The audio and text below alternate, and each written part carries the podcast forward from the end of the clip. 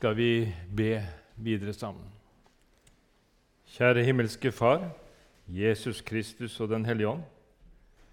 Vi takker deg, Herre, for samfunn og fellesskap, og du har ført oss sammen i dag, Herre. Herre, så vet du om hver eneste en av oss. Vi er som en åpen bok for deg, Herre. Vi har ingenting å skjule. Herre, takk for du kommer nå gjennom ditt eget ord, Herre. Så ber vi Herre om at du må få tale til oss gjennom ordet. Du vet hva vi trenger til, hver eneste en av oss, Herre. Amen. Vi skal lese en tekst som i dag både leses og forkynnes i mange sammenhenger i dag. Jeg pleier å kalle det søndagens tekst. Og Det skal vi lese fra Markus 6, fra vers 30 til 44. Det der hvor Jesus metter 5000. og denne, denne beretningen finner både i Matteus 14 og i Lukas 9 og Johannes 6. Men vi skal lese fra Markus 6, fra vers 30 til 44. Apostlene samlet seg igjen hos Jesus og fortalte ham alt det de hadde gjort, og hva de hadde lært folket. Han sier til dem, 'Kom med til et øde sted hvor vi kan være for oss selv, og hvil dere litt.' For det var mange som kom og gikk, så de ikke engang fikk tid til å spise. Så dro de bort med båten til et øde sted for å være for seg selv. Men folket så dem dra bort, og mange kjente dem. Fra alle byene kom de nå løpende til fots, og de nådde fram før dem. Da han steg i land, fikk han se mye folk. Han hadde idelig medynk med dem, for de var som får uten hyrde, og han begynte å lære dem meget. Da det allerede var blitt sent på dagen, kom hans disipler til ham og sa:" Stedet er øde, og det er langt, og det er alt langt på dag. Send folket fra deg, så de kan dra bort i bygdene og landsbyene her omkring og kjøpe seg noe å spise. Men han svarte og sa til dem, Dere skal gi dem mat. De sier til ham, Skal vi gå av sted og kjøpe brød for 200 denarer og gi dem å spise? Han sier til dem, Hvor mange brød har dere? Gå og se etter. Da de hadde fått vite det, sa de, fem brød og to fisker. Han bød dem da å la alle sette seg i grupper i det grønne gresset. De satte seg så ned, flokk ved flokk, noen på hundre, andre på femti. Så tok han de fem brødene og de to fiskene, så opp mot himmelen og velsignet dem. Så brøt han brødene og ga dem til disiplene for at de skulle gi til folket, og de to fiskene delte han ut til dem alle. Og de spiste alle og ble mette. Og de tok opp tolv fulle kurver med brødstykker og det som var igjen av fisken. De som hadde spist av brødene, var 5000 mann.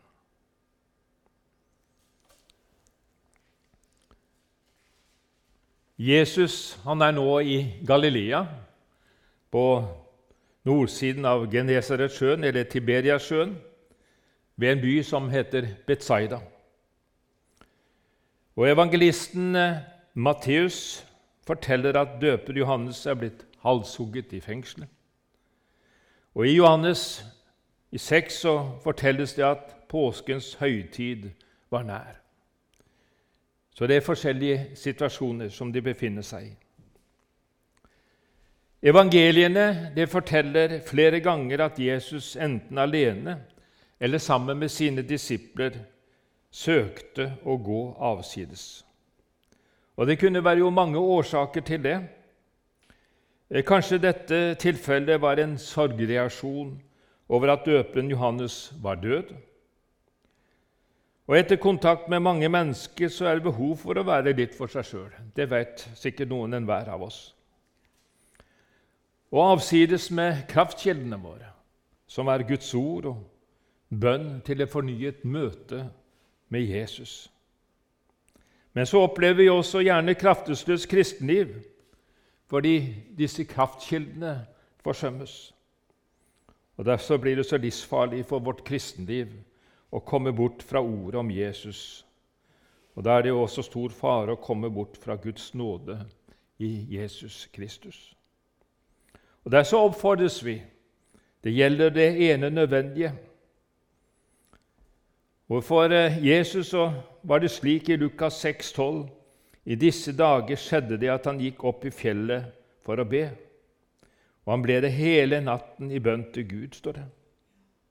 Hvorfor det? Jo, han sto for en viktig avgjørelse om å velge ut sine disipler. Og Gjennom hele dagen tilbake til denne beretningen, gjennom hele dagen så var Jesus opptatt med å fortelle folk om Guds rike, og han helbredet dem som trengte legedom. Og Matteus 14,4 sier han kjente inderlig medynk med dem og helbredet de syke blant dem. Men vi ser det at folket de var opptatt med Jesus på sin måte. Og folket de var slett ikke opptatt av det Jesus egentlig var kommet for, nemlig dette som står i Lukas 1910. For menneskesønnen er kommet for å søke og frelse det som var fortapt. Og Går vi videre i Lukas 5, 31, det er ikke de friske som trenger lege, men de som har ondt. Jeg er ikke kommet for å kalle rettferdige, men syndere til omvendelse. Altså, Folket det var ikke opptatt av sin egen åndelige situasjon. Det var heller det at eh, her var det sensasjon og i vente og materielle goder å få. Men Jesus han så deres åndelige situasjon. Denne situasjonen de selv ikke så selv. De så ikke sitt eget behov. For deres situasjon er slik i Matteus 9,36, som vi leste Nei, det gjorde vi ikke. Men det står i Matteus 9,36 da Jesus og folket fikk han inderlig medynk med dem, for de var herjet og forkomne som får uten hyrde. Og, og, så står det i en annen sammenheng, i Matteus, altså påfølgende vers, i 9, 37-38. Det står i den sammenhengen Høsten er stor, men arbeiderne få. Be derfor høstens herre at han vil drive arbeider ut til sin høst. Som en kristen så står du i en innhøstningssituasjon. Du står i et innhøstningsarbeid. Og midt i vår hverdag så ferdes også vi blant et folk som åndelig talt er herjet og forkomne som får uten hyrder, eller har falske hyrder på grunn av falske hyrderøster. Og vi opplever et moralsk forfall i samfunnet, verdioppløsning, familieoppløsning, hvor også den kristne heimen er satt under stort press. Ja, hvor krefter setter alt inn på å ødelegge den kristne heimen. Og midt i vår egen situasjon, hverdagssituasjon, så opplever vi det, og vi tilhører, ja, min ufrelste familie, venner, naboer. Ja, det er et folk som er herjet og forkomne. Ja, kanskje ikke om det synes i det ytre, men mest trolig i det indre. Fasaden den er gjerne på plass, men i det indre så er det et kaos. Og På overflaten så kan det se slik ut at de er så svært tilfredse med sin egen situasjon, er fornøyd og trenger ingen tilsynelatende, ingen Jesus som frelser i sitt liv. Materialismen den er tatt mange, og folket glemmer og har glemt den levende Gud.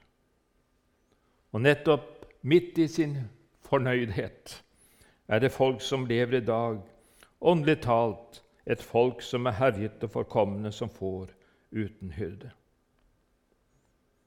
Fordi de søker andre verdier. Ja, egentlig så er dette et radikalt budskap. Og jeg er redd for at vi ofte taper dette av syne. Det blir en likegyldighet til det som er folkets endelige nød. Det angår meg ikke. Men hva sier Jesus i Matteus 5, 13 og 14? Han sier, 'Dere er jordens salt.' Men om saltet mister sin kraft, hva skal, hva skal det da saltes med? Det duger ikke lenger til noe uten til å kastes ut og tråkkes ned av menneskene. Så sier han videre.: Dere er verdens lys. En by som ligger på et fjell, kan ikke skjules. Altså, har saltet mistet sin kraft, hva skal det da saltes med? Har saltet mistet sin kraft, ja, så skjer det en forråtnelse. Dere er verdens lys. Lyset, det sees av alle. Og Så kommer det ransakende spørsmål for mitt vedkommende. Vitner mitt liv om at jeg er sammen med Jesus i Ordet. Og Derfor er det så ransakende at folket må få Ordet, Jesus som er livets brød for å bli frelst. Og Derfor gjelder det også i vår tid å få ta vare på Bibelen. Det er å ta vare på Ordet. Det er å få ta vare på forkynnelsen. Det er å ta vare på Ordet.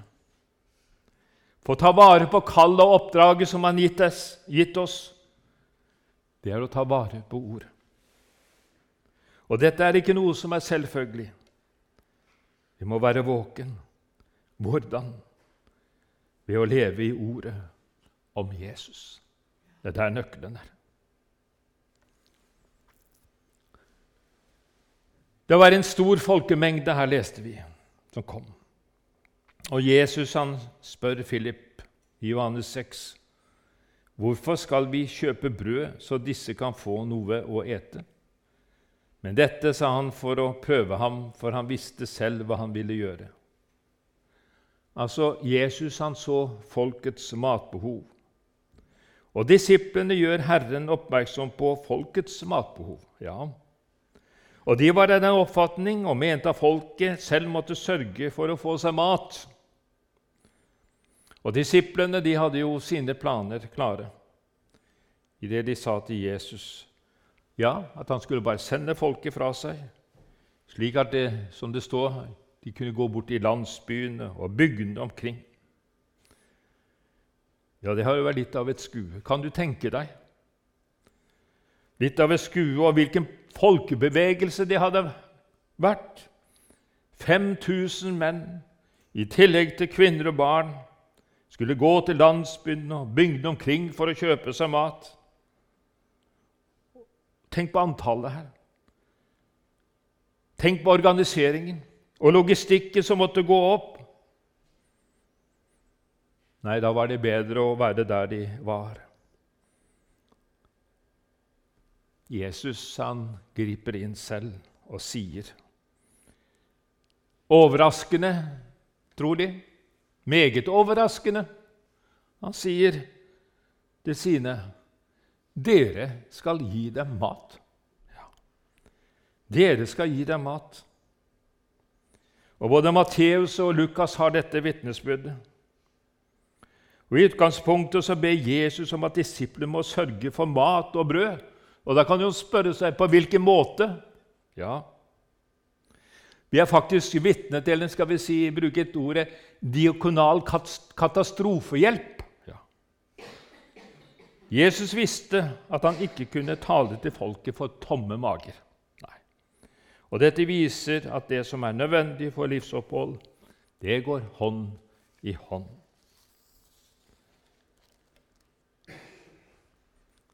Dere som ser hva folket trenger, det er dere som skal sørge for maten. Ja, men det er jo umulig. Fem brød og to fisker til rådighet idet de foreslår at de selv skulle gå bort til å kjøpe mat til folkemengden. Altså Når ikke folkemengden kunne gå sjøl, så skulle disiplene gå og kjøpe til dem. Altså, Philip han tenker konkret på å kjøpe brød. Det kan du lese om i Johannes 6, 7. Men eh, det var ikke så mye penger de hadde. De hadde 200 denarer, står det, som tilsvarer to pund, eller seks månedslønninger på den tiden.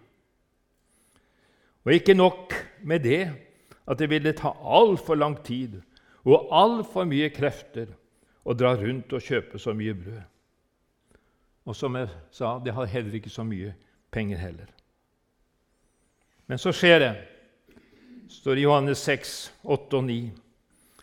En av hans disipler, Andreas, Simon, Peters bror, sier til ham.: Her er en liten gutt som har fem byggbrød og to små fisker. Men hva er det til så mange? Altså det er for lite uansett. Og det som ble nevnt her, det tilsvarer mat for en dagstur. Rugbrød og lettsaltet fisk som var lagd ned i lake. Det var tydelig at det var noen som hadde tenkt på mat også i en slik situasjon. Men trolig var det noen som ikke hadde tatt med seg mat, eller at maten var spist opp allerede. Det var allerede seint på dagen, sto det. Vi vet ikke. Tenk om vi hadde hatt nok mat til folk. Og det disiplene gjør, de glemmer å regne med Jesus også i denne situasjonen. For flere ganger så hadde disiplene opplevd Guds under iblant seg. Ordet selv sier i Matteus 1926.: For mennesket er det umulig, men for Gud er alt mulig. Altså For Philip var det fullstendig håpløst. Men Andreas han ser muligheten i det umulige. Kan du forstå? Hæ? Føre mennesker til Jesus. Her er en liten gutt. Vi må ikke se smått på det vi har å gå med. Vi må ikke se smått på ordet. Hva ordet kan utrette, regner vi med Guds ords makt. Jesus han griper inn. Jesus selv tar initiativet ved å ta fem brød og to fisker som de brakte til ham. Altså mat for en dagstur. Ja. Helt utrolig. Et under skjer som tegn på Guds makt og omsorg for folket. Jesus han takket, og han ba velsignelsesbønnen. Vi må jo si det at det var en virkelig en kraftfull bordbønn. Ja. Og så ble maten delt ut. I Johannes 7, 11 står det så mye de ville ha. Ja, tenk på det. Så mye de ville ha, kunne de få av denne måten. Ja, folket ble overmette. Og i Johannes 10, 10 står det 'Jeg er kommet for at dere skal ha liv i overflod', sier han. Nei, Jesus han er ikke snau. Han er ingen knipen hjelper. Slik er Jesus sinnelag. Stor raushet overfor dem som trenger hjelp. Og Vi skal også få tenke på dette timelige. Det også skal vi få legge fram for Jesus. Disiplene de står totalt maktesløse. Og det er som Jesus vil lære at det Foruten meg kan dere ingenting gjøre som det står i Johannes 15, 5. Og så kommer Jesus til oss her i dag gjennom sitt eget ord. Jesus sier til deg, 'Kom hit med det du har', sier han. Hva har du? Ja, hva har du? Når Jesus kommer med det spørsmålet. Du har hender. Du har føtter. Du har en munn som Herren vil velsigne deg i din gjerning for ham. Kom hit med du har, sier han til deg. Jesus han ønsker å eie ditt liv, slik at du med alt dette kan få være og få tjene Jesus på din måte. Litt er alltid mye i Jesu hender. Kom med det du har, selv om du synes det ser så lite ut. i menneskelige øyne, men kom med det du har. Og når du bringer noe til Jesus, så er det ingen som vet hva som vil skje, og hva som kommer ut av det. Du veit ingenting på forhånd. Og da Andreas førte denne vesle gutten til Jesus, så kunne han ikke vite følgende av det han gjorde. Men hva gjorde Andreas? Jo, han la forholdene til rette. Men han visste ikke hvilke muligheter som ble frigjort når vi bringer noe til Jesus Kristus. Ja, gutten hadde ikke så mye å tilby, men det han hadde, det kunne Jesus gjøre noe med. Jesus han trenger det vi kan bringe til ham. Det kan hende det ikke er så mye vi har, men han trenger det vi kan gi. Det er vår Guds ord og Guds ånd får komme til med sin frelse. Hva skjer der? Jo, det skjer et under. Og så er det da spørsmålet til oss har vi denne tilliten til ord. Guds under skjer. Enn hvor håpløst det er. Og Det er det som er så sterkt i denne situasjonen. Og så står du som en kristen i et kall og et oppdrag, Kall det til tjeneste. Så har vi Guds ord å bringe. Men vi er jo totalt maktesløse hvis ikke Jesus får velsigne sitt eget ord. Og med sin ånd får åpenbare det og få ta dekket bort Guds ord ved Den hellige ånd, åpenbare Guds frelse i Jesus Kristus. I møte med den levende Gud så er jeg fortapt uten Jesus. Når, folket, eller når Jesus gir folket brød, så er det tegn på at Jesus vil gi dem livets brød, nemlig seg selv. Han vil gi seg selv. I Johannes 6, 35 omtaler Jesus seg selv som 'Jeg er livets brød'. Den som kommer til meg, skal ikke hungre, og den som tror på meg, skal aldri noen gang tørste. Så er det da Jesus selv som kan og som ønsker å tilfredsstille dette behovet. Jesus som er selve brødet ifra himmelen.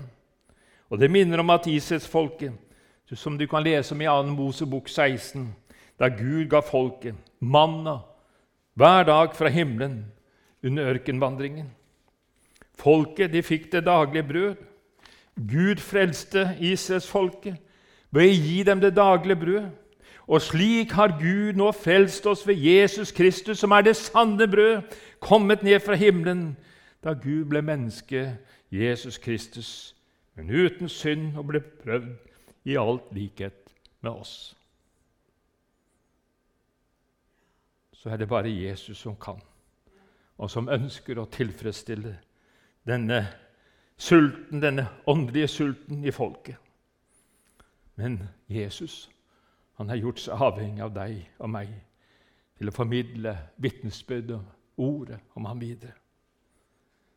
Og det er jo slik at ordet, hva skaper det? Jo, det skaper mer sult. Det skaper mer hunger etter ordet.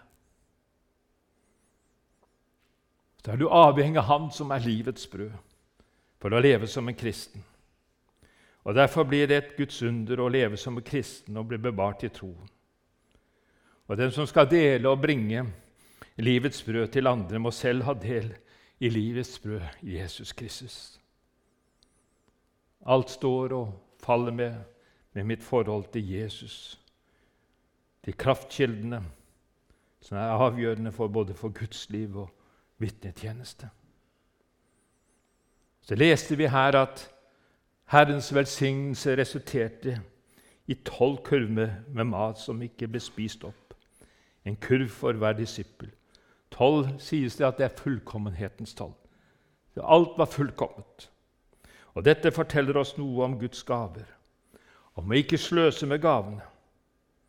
Tenk, det ble mye av lite.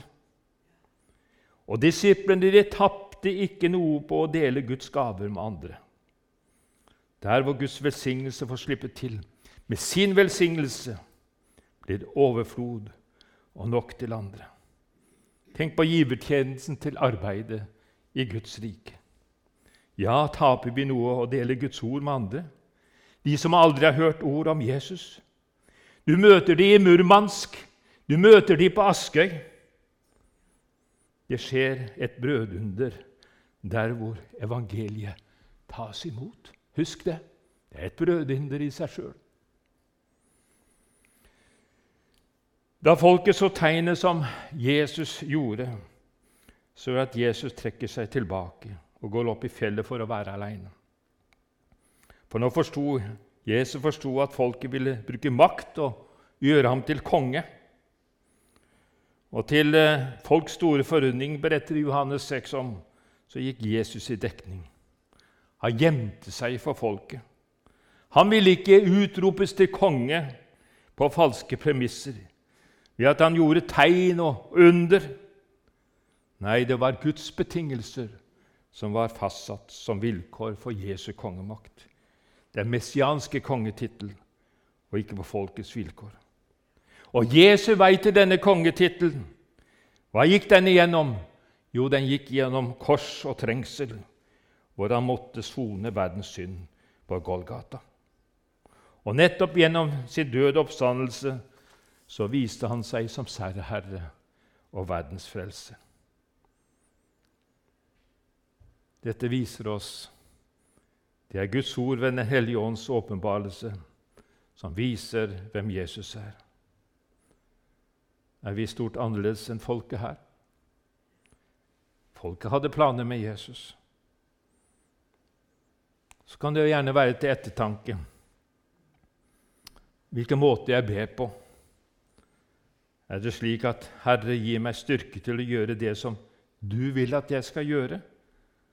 Eller er bønnen egentlig en egosentrisk bønn? Herre, gi meg styrke til å gjøre det jeg ønsker å gjøre. Ja. Det er jo slik at vi vil gjerne ha Jesu Kristi gaver. Men ikke Kristi kors, fordi det koster å bekjenne troen og følge ham. Jeg vet ikke om vi tenker på det. Hva er Kristi kors? Korset, dette seierstegnet, representerer en handling til etterfølgelse, nemlig omkostninger med å følge Jesus. Og Både i Matteus 16, og Lukas 9 og Markus 8 så taler Jesus om dette til sine disipler. Om noen vil følge etter meg, da må han fornekte seg selv og ta sitt kors opp og følge meg. Altså omkostningene. Han sa til alle om noen vil komme etter meg, da må han fornekte seg selv.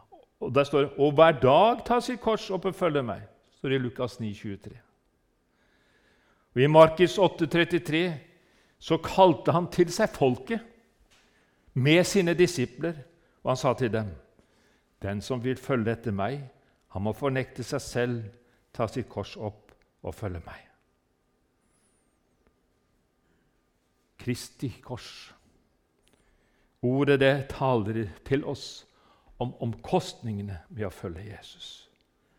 Være disippel, være en Jesu etterfølger.